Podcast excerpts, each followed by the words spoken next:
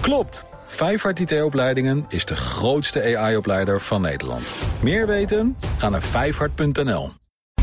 BNR Digitaal wordt mede mogelijk gemaakt door Amazon Web Services. De betrouwbare cloud voor kostenoptimalisatie, innovatie en digitale transformatie.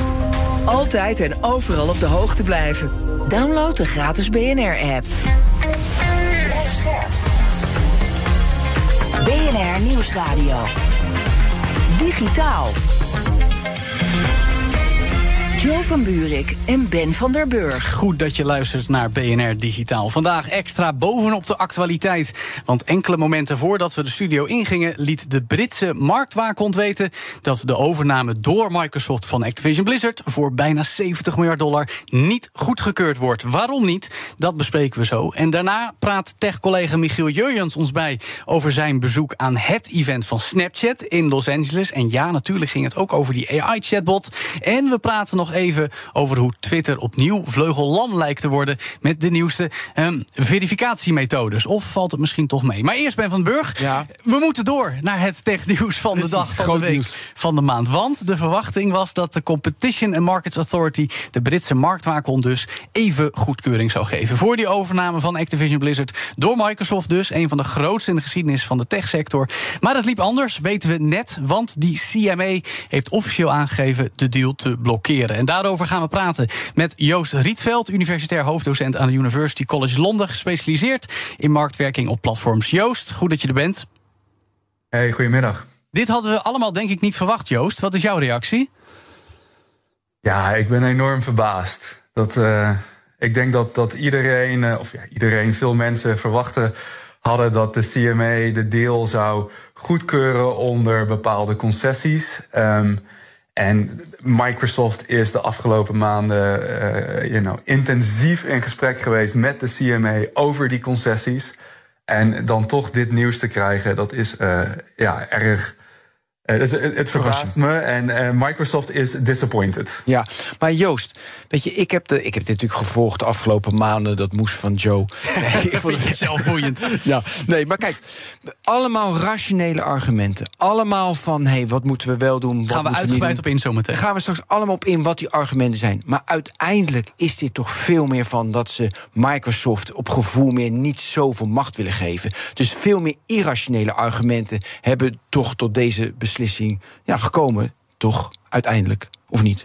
Ja, er is natuurlijk wel een anti-big tech sentiment. eh, dat zowel bij de Britse en de Europese, met name de Amerikaanse waakhonden speelt. En ja, we kunnen niet kijken in de hoofden van dat die deze beslissing heeft genomen. Maar er is wellicht. eh, ja, Irrationeel dus. Big tech sentiment. Ja. Ja. Laten we hem even gaan afbellen, Joost. Want het interessante is juist dat de CMA deze overname bezwaarlijk beschouwt vanwege de cloud gaming markt. Die is nog pril, maar voor de gemiddelde luisteraar, daaronder verstaan we het streamen van games om ze te kunnen spelen op eigenlijk elk apparaat. Microsoft investeert daar al jaren in, weten we, heeft ongeveer twee derde van die markt in handen, zegt de CMA. Waarom is juist die cloud gaming markt dan zo'n bezwaarlijk punt volgens de Ja, daar, daar kan je op, op verschillende manieren naar kijken. Maar mag ik even reageren op die twee derde marktaandeel? Tuurlijk. Want dat, dat, dat heeft natuurlijk te maken met het feit dat Microsoft Cloud Gaming Service ingebakken zit in haar Game Pass eh, subscription service. Ja. Dus Microsoft heeft een heel succesvol eh, eh, subscription dienst, Game Pass. En daar zit cloud gaming in. En, en omdat dat goed gaat, hebben ze veel consumenten die ook wel gebruik maken van cloud gaming. Het is niet dat Microsoft een op zichzelf staand cloud gaming platform heeft dat twee derde van de markt in handen heeft. Maar die kun je op twee Dus daar- manieren bekijken natuurlijk, Joost. Je kan of zeggen, Microsoft doet het op die manier... En dus, maar de CMA kijkt op een andere manier naar. Maar ik snap wel wat je zegt, want ik, ik- ik- je verwijst een beetje naar... dat, dat de alle Game Pass abonnementen eh, zegt van... die zitten, werken allemaal in de cloud, terwijl dat in de praktijk misschien helemaal niet zo is. Nee, ik, ik, ik heb zelf, eh, en misschien dat we het daar zo nog over hebben, maar ik heb zelf ook een, een, een, een, een rapport ingediend bij de CMA, waarin ik duidelijk heb proberen te maken van ja, we kunnen dit niet als één uh, aparte markt uh, zien, dat cloud gaming. Er zijn verschillende bedrijven die cloud gaming op verschillende manieren gebruiken voor de producten die zij aanbieden aan hun consumenten. Ja. Uh, en er is eigenlijk. En, en ik heb daarin vier verschillende typen cloud gaming diensten geïdentificeerd. En er is er eigenlijk maar één van die vier typen dat een, een op zichzelf staande cloud gaming dienst is. Die andere drie typen, die veel aantrekkelijker zijn, ook voor, voor consumenten. Daarin is cloud slechts een element van een, een, bredere, uh, een breder aanbod aan consumenten. Ja, maar Joost, wel handig, want ik heb het hier voor me dat je het even kort uitlegt wat dat precies is. Want als ik daarnaar kijk, Weet je, dan vind ik die andere die jij straks gaat definiëren best wel kansloos. Dus dan denk ik van ja, dus oké, maar leg ze eerst even uit. In het kort. In het kort, ja. ja. Cloud gaming as a feature, dat zijn cloud gaming diensten. Dat zijn gaming diensten waarin cloud als een onderdeeltje wordt aangeboden, zoals Game Pass en PlayStation Plus. Dan heb je cloud gaming als een platformdiensten. Dat is een, een standalone en op zichzelf staand cloud gaming dienst, zoals Amazon Luna. Dus dit is eigenlijk, denk ik, het type dienst dat, dat de CMA met name in het hoofd heeft als ze het hebben over de cloud gaming market. Dan heb je cloud gaming als een complement, zoals uh, Nvidia GeForce Now, waarbij consumenten elders een game moeten kopen en vervolgens die game door middel van die dienst kunnen streamen. En tenslotte heb je cloud gaming als een input.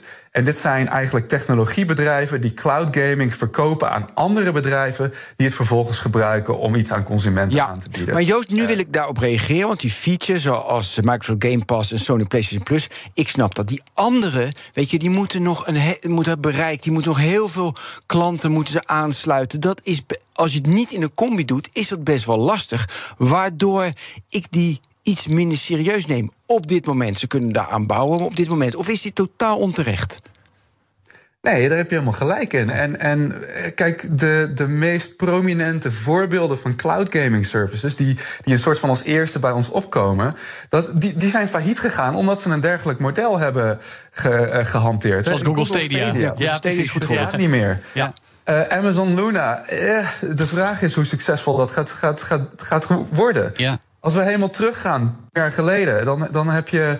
Uh, de, de, de, Gaikai en OnLive, de allereerste cloud gaming diensten, die zaten allemaal in, in, dat, in die box en, Ja. en uh, in dat type en die hebben het allemaal niet gehaald. Ja. Omdat consumenten zijn niet op zoek naar een bepaalde distributietechnologie. Consumenten zijn op zoek naar content, naar games, Ja. naar een, een, een fijne manier van jezelf aansluiten aan een, op een gamingplatform. Dus het, ze zijn niet op zoek naar een, type distributietechnologie, maar gewoon naar een, een ervaring. Maar dat is dus interessant, want nu heb je het eigenlijk ook over gewoon, ja, eh, een gesprek over verschillen van inzicht, zal ik maar zeggen. En pak ik dan nu ook toch ook even de toelichting van de CMA erbij. Dan lees ik ook heel erg met naam en toenaam genoemd de games Call of Duty, eh, World of Warcraft, de populairste titels uit de stal van Activision Blizzard. Dat resoneert dan ook heel erg met de argumenten die Microsoft's concurrent Sony steeds heeft aangevoerd. Van ja, maar dan worden die games exclusief. Of als ze niet exclusief worden, krijgt Microsoft er zoveel macht over dat zij bepalen wat ermee gebeurt. Is de CMA daar dan toch gevoelig voor geweest? Of, of zijn ze daarmee dan volgens jou ook te kortzichtig? Um, nou, waarschijnlijk is het antwoord ja en ja.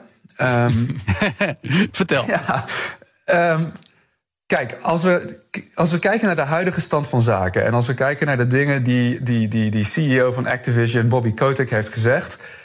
Zij zijn nooit van plan geweest op heden om hun games dan wel op subscription services, dan wel op cloud gaming diensten uit te brengen. En ik heb daarnaar gekeken.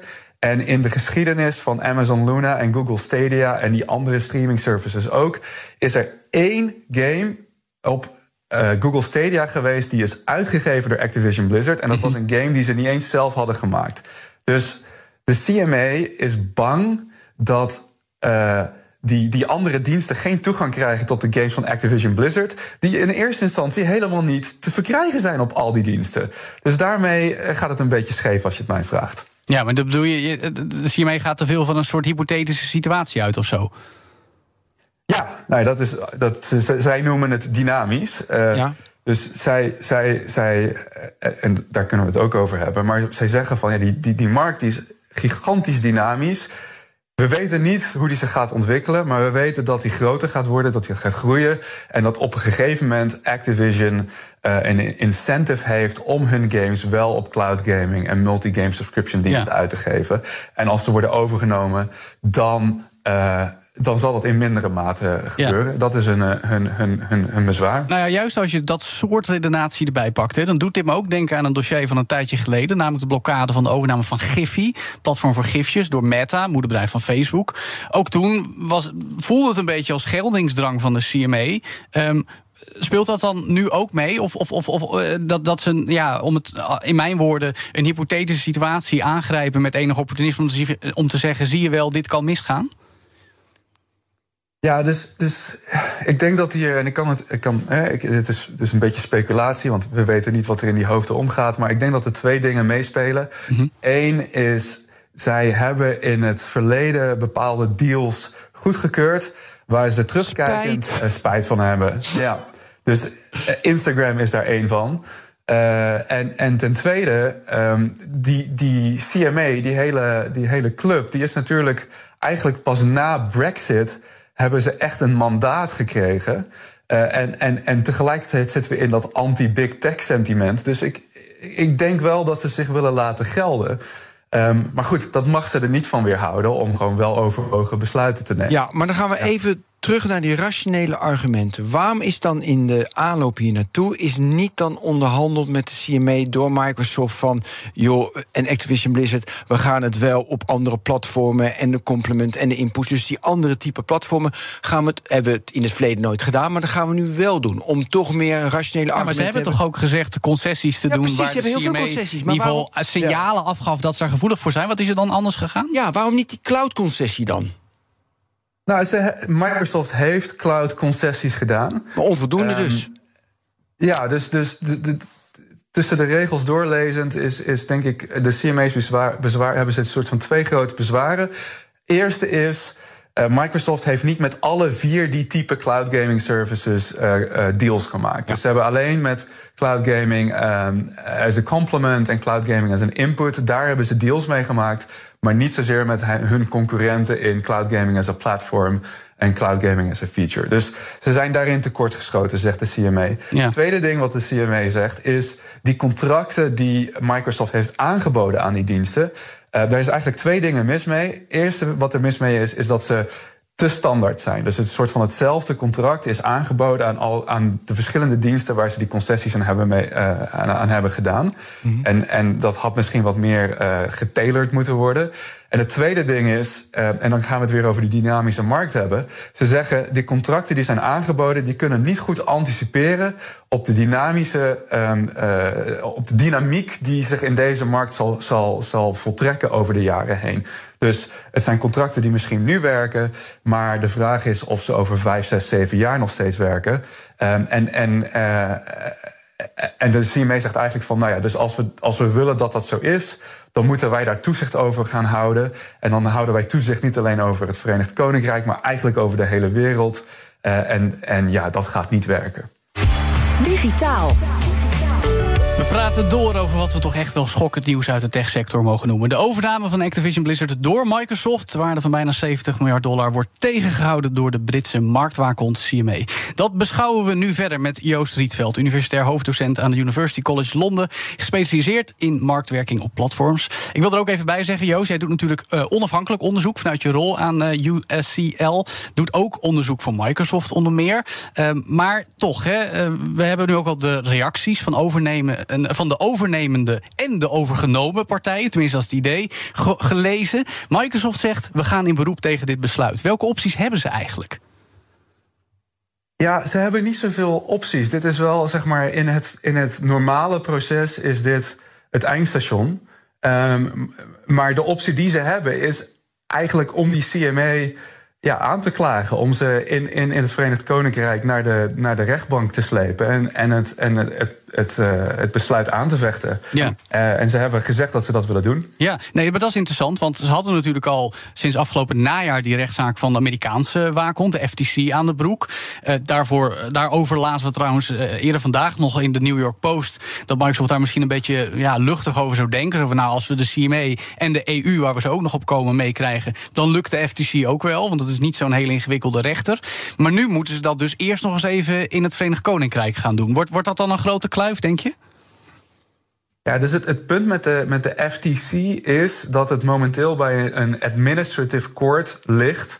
Dus het is eigenlijk een soort van een, rechtbank die, die binnen, het, uh, ja, binnen de FTC opereert. Uh, Uh, en, en, en dus het maakt niet zoveel uit wat die administrative court zou zeggen bij de FTC. Ze hebben niet de, het mandaat om, om die deal echt te blokkeren. Dus daarom heeft Microsoft gezegd van ja, dat, daar hoeven we niet op te gaan wachten.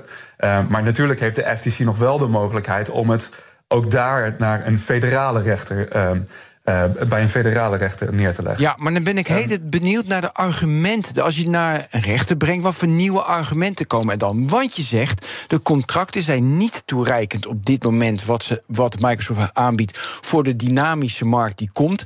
Hoe zouden die contracten dan wel moeten, zodat je bent ingespeeld op de dynamische markt. Want dan kan je die argumenten naar een rechter brengen of opnieuw, uh, ja, om er opnieuw tegenin te gaan.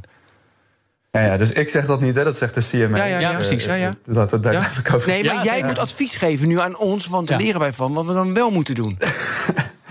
nou, dus, dus globaal gaat Microsoft denk ik twee type argumenten maken. Ze gaan kijken, zijn er in het proces van, van de CMA zijn er fouten gemaakt. Of zijn er dingen gebeurd die we als fout kunnen beschouwen. Dus ze gaan, ze gaan het proces aanvallen.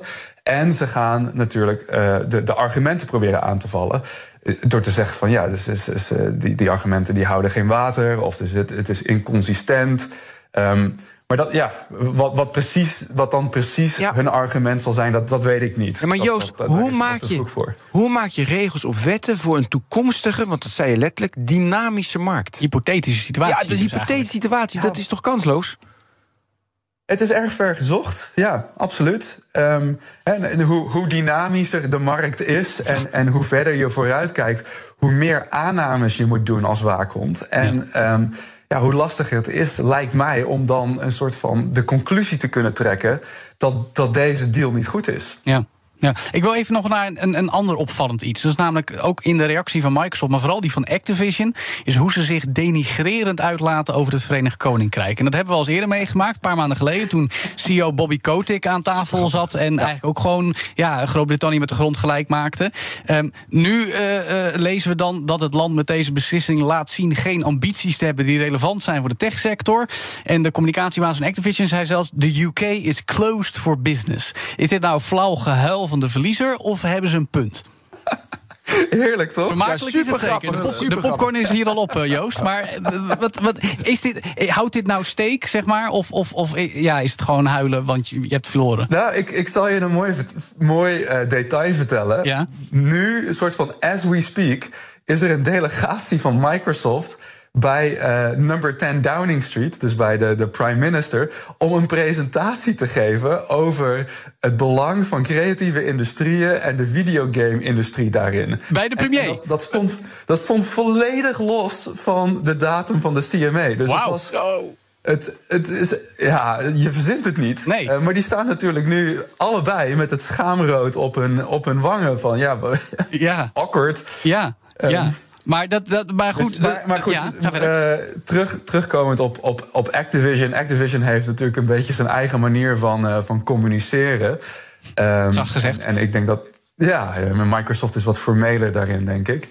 Um, het gaat uiteindelijk om, om, om, om ja, wat, wat, wat kan Activision doen om uh, dat hard te maken. Hè? En, en, en King heeft daar.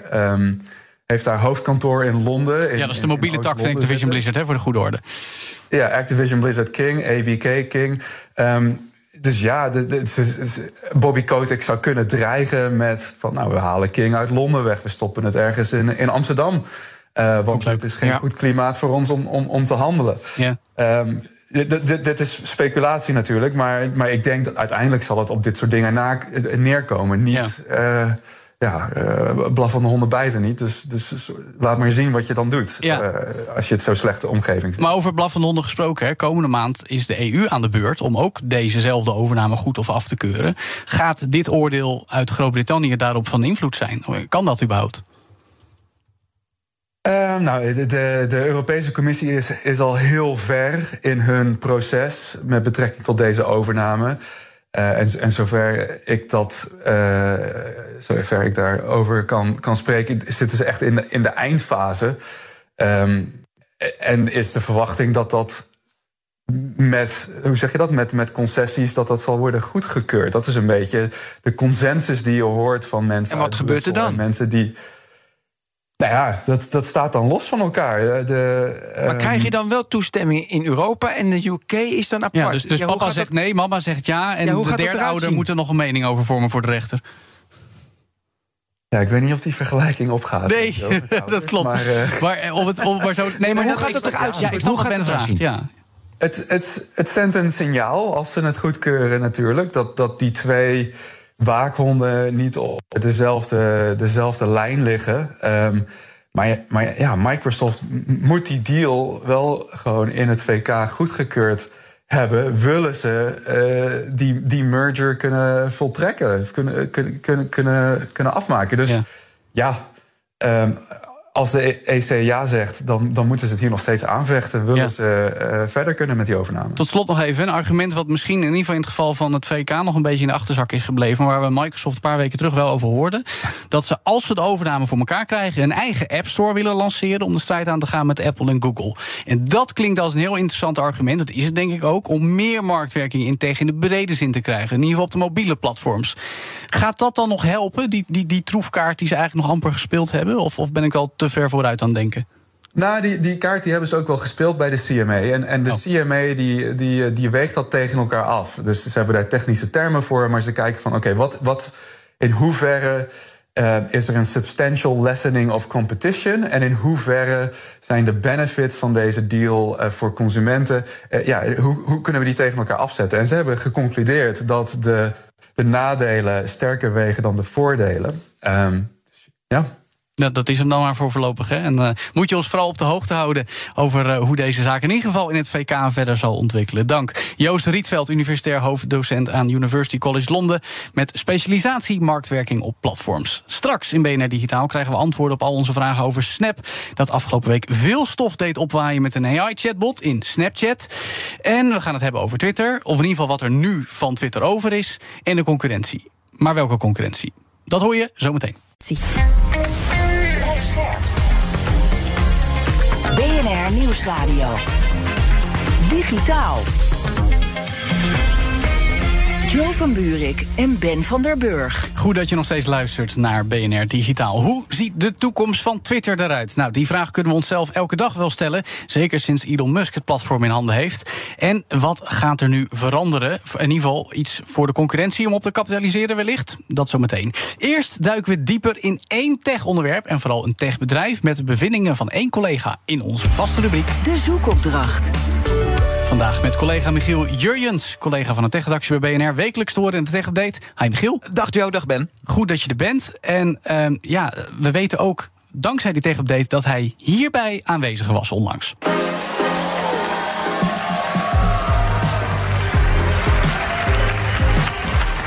Welcome to our fifth annual Snap Partner Summit. We are so delighted to see so many of you here in person after years apart, and it means so much that you've joined us here today. From content and stories to augmented reality lenses to camera kit partners who are bringing AR into their own apps and websites, we are so grateful for all of the creativity you've shared with Snapchatters around the world. Ja, Ben, je zou bijna kunnen zeggen dat ze inwisselbaar zijn, die CEO's van grote techbedrijven. Nou, dat is wat ik precies. Ze klinken allemaal hetzelfde. Ik ben zo benieuwd iemand die nu weet dat helemaal op een andere manier. Dit Nou, brengt. precies. Maar goed, Allemaal voor de, voor de goede orde. Dit was Evan Spiegel, oprichter en CEO van Snap, belangrijkste man voor Snapchat. En deze week, of afgelopen week, werd dus de Partner Summit gehouden. Jaarlijkse conferentie voor media, relaties, natuurlijk ook influencers. Snapchat kennen we als die app die razend populair is, vooral voor de jongeren. En afgelopen week dus negatief het nieuws vanwege een Michiel, jij was bij die Partner Summit terwijl dit allemaal gebeurde. Terwijl we in Nederland eh, verontwaardigde berichten in eh, vooral online kranten lazen. Eerst even kort, wat was nou jouw belangrijkste takeaway van eh, ja, een paar dagen bij Snap op het hoofdkwartier, zou ik maar zeggen? Ja, ik wist het natuurlijk niet dat al die ophef los zou barsten precies als ik daar was. Dus nee, dat, was betreft, fortuinlijke timing. De timing, de timing was fantastisch. We gaan het zo nog even hebben over die gebruikers en wie die gebruikers dan zijn. Ehm, die app die, die staat wel. Die is er nu een paar jaar. Ehm, mensen weten in principe wat daarmee kan. Ehm, ze willen een stap verder, daar komt het wel op neer. Ehm, Snap wil meer doen dan alleen Snapchat, die app. Eh, het is natuurlijk een heel belangrijk bedrijf als het gaat om de AR, de augmented reality. Nou, ze hebben heel veel ideeën om dat ook buiten de app in te gaan zetten en zeker commercieel in te gaan zetten. Ja. Gaan we het zo nog even over hebben. Maar als ik één ja, takeaway moet noemen, dan is dat het. We moeten buiten die app gaan. Dat willen ze niet. nou, dat is interessant. Dat resoneert ook een beetje met een Nederlandse toppersoon, eh, Leander Roet, die we daar een tijdje geleden over het gast hadden in BNR Digitaal. Maar goed, jij was er dus zelf even getuige van in het kort. hè, Zo'n Amerikaans techfeest. Ja, Ja. Ben is er ook wel Ja. vaak geweest in zijn leven. Wat valt daar nou het meeste op? Nou, grootschalige evenementen, daar zijn Amerikanen goed in. Eh, dat wist ik ook wel. Dus ik ga ook meteen aan de voorkant toegeven. Flink in de watten eh, gelegd daar. Het ontbrak aan niks. Santa Monica, daar was het. Dat heeft een heel klein vliegveldje waar vooral privéjets eh, op standen. eh, Dus daar kwam je aan met je privéjet.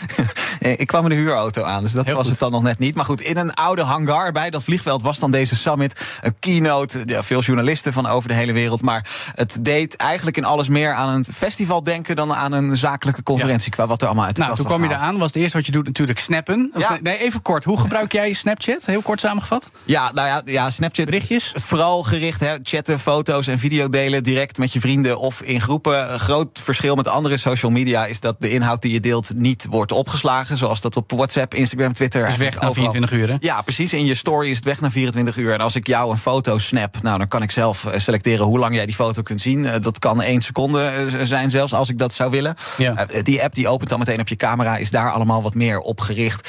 Vooral op ja, de lijst met gesprekken met vrienden. In plaats van al die algoritme gegenereerde content die we uit andere apps kennen. Ja. Ehm, het hangt ook wel heel erg af van waar je vrienden zitten hoor. Ik geef ook meteen toe, de, de meeste van mij ja, die zitten op, op WhatsApp, Ja. Instagram. Maar dat Ehm, maakt en- het ook gelijk interessant, Ja. hè? Want die aantallen, dat is ook een beetje de discussie van hoeveel mensen zitten op Twitter? 240 miljoen. Hoeveel zitten er op Facebook? 3 miljard, geloof ik. Ehm, Snapchat heeft er 750 miljoen, geloof ik. Hè? Waar Ja. komt dat getal vandaan? Ja, nou, dat is een cijfer dat de Evan Spiegel, we hoorden hem net even, de CEO in zijn keynote eh, zelf noemde. En er kwam natuurlijk eh, gejuich en eh, applaus op het moment dat hij zei, nou, 750 miljoen maandelijkse gebruikers. Was dat veel groei eigenlijk? Nou, v- volgens mij niet meer. Nee, de, de groei lijkt er een beetje uit soms. Nou ja, er is wel groei, eh, maar die gaat niet eh, keihard, inderdaad. Wat de positie van Snapchat zo uniek maakt, is dat eh, 80% van die 750 miljoen mensen, 80% daarvan is onder de 30. Ah. In Amerika, in de VS, 90% van de mensen tussen 15 en 25 zit op Snapchat. De generatie iets daarboven, ook ruim boven de helft. In Europa zijn die percentages vergelijkbaar, dus niet zo groot als Instagram of Facebook. Instagram, dat is echt meer dan 2 miljard. Maar het is toch een gigantisch, het is een eh, enorm platform. Dat we Voor niet jongeren, onderschatten. voor jongeren nog steeds belangrijk, maar jongeren worden ook ouder, dus dan moeten ze nieuwe features hebben, wat dan wel. Dat wel. Waartoe is Snap op aarde? Is dat echt augmented reality? Dat ze, dat, dat ze daar nu volop in gaan zetten? En omdat dat dan automatisch beter aanslaat bij de jeugd? Omdat de jeugd dat leuk vindt? Want hé, hey, kijk eens, nieuwe innovatieve... yourself, dat is Precies, dat, is het verhaal volgens mij. Die Ja. filters gebruiken om jezelf uit te drukken. Ja, en, eh, en om op een andere manier eh, met elkaar de connectie te maken. En op een andere manier naar de wereld te kijken. Nou ja, dat, dat zijn mooie woorden. Het, het begon met die AR een jaar of acht geleden. Met, ja, je kon dan hondenoren op je hoofd Filters, zetten. ja. En als je je mond opendeed, kwamen er regenbogen uit. Nou, toen, toen was het geinig.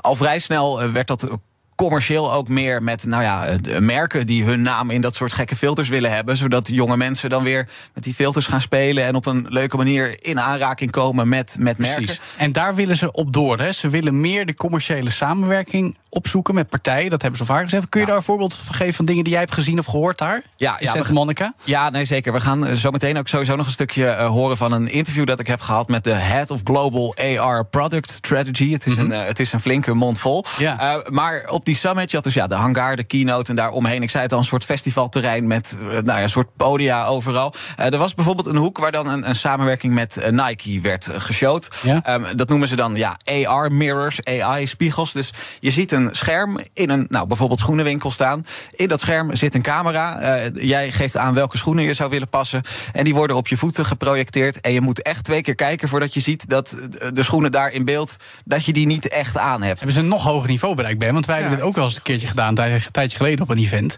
En dan was het nog van, nou ja, het bobbelt een beetje over me heen. Maar jij had dus echt het idee van, hé, hey, dit is echt uh, ja, heel realistisch. Ja, ze deden dit dan ook ja, met truien, broeken, brillen, inclusief maat selecteren. Het idee is dat dat kun je fysiek in winkels gebruiken. Maar Snapchat wil ook dat retailers dit in hun webshop gaan doen. Ja.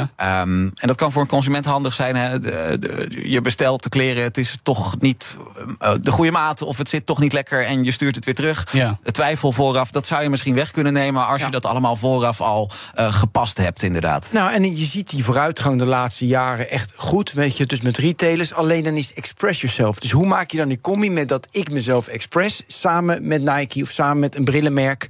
Weet je, die combi vind ik dan nog ingewikkeld. Maar inderdaad, voor die bedrijven mooi. Dus ook het model is dan goed. Ja, wat hadden ze zelf over te zeggen? Ja, ik heb dus gesproken met Carolina Arguelles. Ik zei het al, head of AR en product marketing. En zij had vlak daarvoor op de keynote ook gezegd: ja, wij werken nog aan veel meer van dit soort zaken. Dus ik vroeg haar inderdaad, nou ja, wat dan? Um, gosh, we really we see so much opportunity. But it's interesting. We started with shopping as a part of shopping suite, our first suite in enterprise. But we're looking at a lot of different verticals. We want to build business enterprise suites similar to what we did for shopping suite for other areas such as education and learning, such as sports and events. Um, and so there's many more to come that you're starting to see us experiment with. Uh, really excited as well about our latest announcement talking about how we're really coming into physical locations. How do we don't just think about the online, at home, by yourself experience? How do we think about how AR can enhance when you're out of the house, when you're in the store, or when you're in a sports stadium? You know, how do we potentially use AR to make that even more exciting. Dat vind ik wel interessant. Ze willen dus niet alleen maar op de mobiele telefoon zitten. Ze willen ook in de spiegels, in de pashokjes en in de reclameborden kruipen. Ja, met camera's en augmented reality. Ja, en voor een generatie die, uh, die die, die die AR al de hele tijd meekrijgt, die daar al de hele tijd mee bezig is, zou dat dan een soort ja, 1 plus 1 is 2 kunnen worden. In ieder geval in de visie van Snapchat. Ja. Precies. Tijd voor het heet hangijzer. Want MyAI, die chatbot, die werkt met de technologie van ChatGPT. Uh, die gedroeg zich wel heel menselijk. En daar werden zelfs kamervragen over gesteld afgelopen week. Nou, vonden we een beetje AI-angstporno. Ja. Zeiden we ook in onze andere podcast. Um, heeft die kritiek uh, eigenlijk indruk gemaakt uh, in de VS waar jij toen op dat moment was? Nou, als ik uh, dus tussen de mensen van Snap rondloop en daartegen zeg dat politici in Nederland zich toch wel grote zorgen maken, dan merk ik dat de schouders opgehaald worden. Ze gaan lachen. Ja, toch wel een beetje. Totaal niet serieus. Well, well, we'll have to see about that. Dat is wat je dan hoort. Evan Spiegel, hij zei er wel iets over tijdens zijn keynote. Unlike conversations with friends and family that are deleted by default. Conversations with My AI are stored and reviewed to improve the product experience. That helps us learn how My AI is being used and how we can make it better. My AI is far from perfect, but we've made a lot of progress. For example, 99.5% of My AI responses conform to our community guidelines. We've also worked to incorporate the age of each Snapchatter when they're communicating to help make sure that their interactions with My AI are age appropriate. Ja, uh, toch vooral de nadruk op wat er wel allemaal goed gaat. 99 procent hoor ik. En, ja. Maar ja, op 750 miljoen gebruikers ja. is dat potentieel nog best wel wat gesprekken die niet goed gaan, zou ik maar zeggen. Nee, nee dan gaat er dus toch, toch wel een klein beetje mis. Uh, ik zat dus met Carolina Arguelles, we noemden het er net even. En ja, ik vroeg ook aan haar wat zij van die kritiek vindt. En ook ja, de roep om toch snel met wetgeving te komen voor al die AI-technologie. You know, as a company, I actually think uh, we're very firm about privacy first um, and really protecting our users. And that's always been really, really important to us. And there's no difference when we're looking at new technologies like AR and AI. Um, with AI and my AI in particular, you know, Evan mentioned this this this stat, but over 99%, um, you know, of the interactions are 100% within kind of our guidelines and but we still believe that it should continue to be better. So not only are we regulating ourselves which we have always done to a much stricter degree than maybe legislation is already uh, but we also believe it's super critical for there to be more legislation. Um, and when regulation doesn't exist we always impose our own regulation or almost our harshest own critic. Mm-hmm. um, and i think that's a responsibility that many companies need to take if they really care about not just themselves and their success, but the health and success of the people using their products. Ja, en nu een onderzoek. Hoeveel mensen nemen dit PR-praatje serieus? en ze zeggen weer allemaal hetzelfde. Het is allemaal weer hetzelfde. Ja, dat is, dan wel weer een beetje opvallend. Het was super lastig, ja. uh, inderdaad. Dat geef, ik, ja. dat geef ik ook meteen toe. Ja, nee, dus toch, toch die nadruk op ja, dingen die dan, die dan wel goed gaan. En uh, hoe streng ze ook voor zichzelf zijn, naar eigen zeggen. Ja, ja maar toch wel. kan ik me voorstellen dat het interessant is om juist daar te zijn op het moment dat Snapchat in Nederland opeens weer heel erg in de aandacht is. En daar dan toch even een conversation starter over te hebben, zeg maar. Nou, zeker weten. En uh, ik had de, deze reactie had ik ook zeker wel verwacht. Tuurlijk. Maar ja, je hoopt uh, toch op wat anders. Ja, toch uh, uh, bijzonder om dit zo mee te maken, inderdaad. Nee, dat zeker. Oké, okay, goed in ieder geval. En dank voor deze bijdrage. Michiel Jurjens, collega van onze BNR Tech-redactie. Joe van Buurik en Ben van der Burg. Elon Musk heeft zijn woord gehouden, zo waar. Want op 20 april, 420, was een wietgrapje trouwens...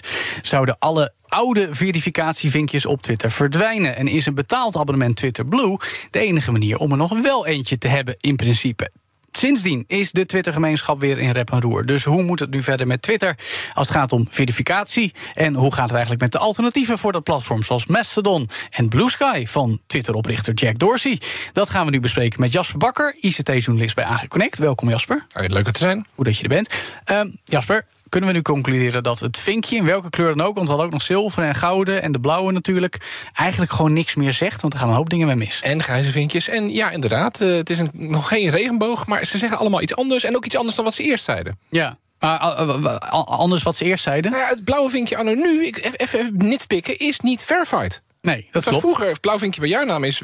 Twitter heeft bevestigd dat jij Joe van Buren ja, nee, bent. Dat, klopt, dat, dat proces heb ik letterlijk doorlopen. Hoor. Precies. Ja. Maar nu zegt het, het vinkje alleen maar... iemand heeft 8 dollar per maand betaald en ja. heeft een telefoonnummer Maar ooit zei Elon Musk, dat weet ik nog, een tijd geleden... van ja, we gebruiken juist het feit dat iemand moet betalen... als verificatie dat diegene diegene is. Maar vervolgens kun je er eigenlijk elke naam bij zetten... en is daar helemaal geen cross-reference met de rekeninghouder. Precies. Want wist je dat South Park met alle scheldwoorden op Disney komt in de UK voor jongeren?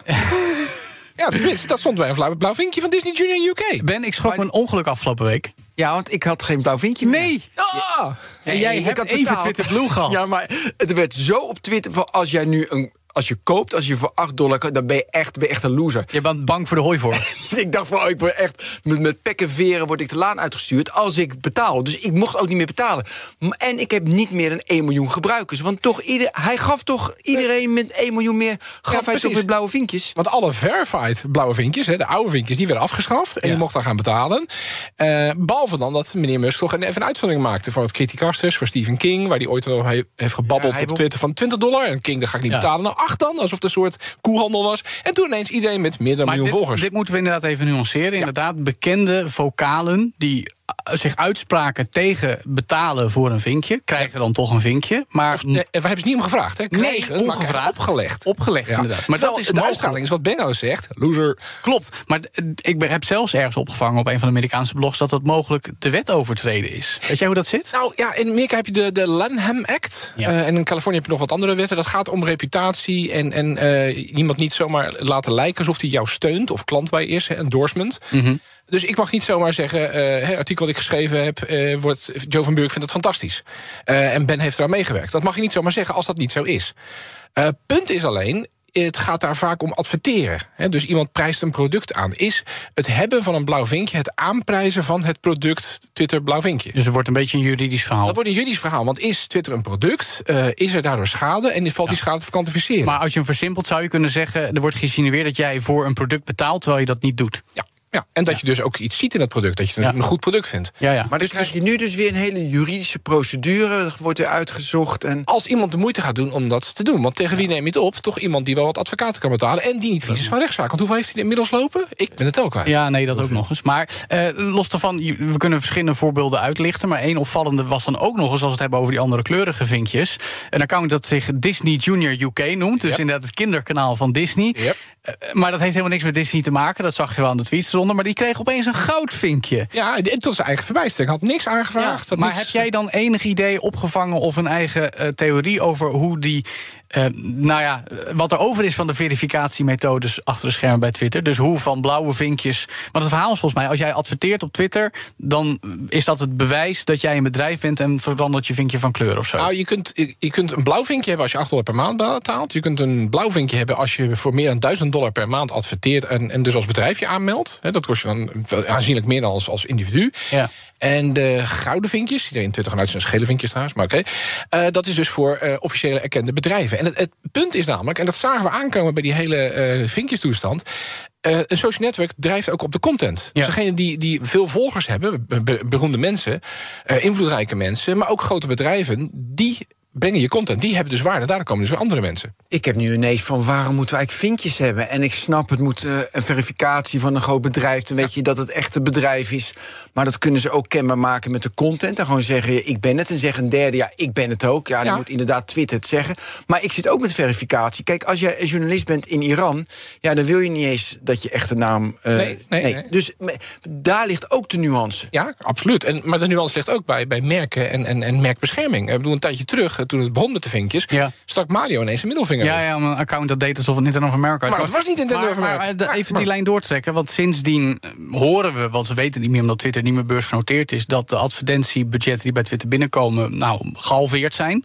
Ehm, dit helpt niet. Nee, dat lijkt me ook niet. Nee. Zeker Nee. niet, omdat je, je krijgt steeds meer twijfel. En, en hè, ik bedoel, gaat Nintendo ooit nog adverteren op Twitter nadat eh, Mario's middelvinger had? Ik, Nou ja, dat, dat ook, eh, Microsoft heeft het al openlijk gezegd: we gaan Twitter niet meer ondersteunen met onze advertentietools. Ja. Of überhaupt het delen van, van, van content, bijvoorbeeld van de Xbox naar Twitter. Dat kan ook niet meer. Precies. Ehm, nou, reden om naar alternatieven te kijken, zou ik zeggen. Tenminste, in ieder geval hypothetisch. Want Meta is bezig met iets wat de werktitel Barcelona heeft. Ja, Topnaam, hè? Ja? Ja, is dat zo? Dat vind ik mooi. Nou ja, maar dat Freddie Mercury? Haal even uit. maar dat moet dus een Twitter-alternatief worden. Dat gaat werken met het open protocol ActivityPub. Wat weet jij daarvan?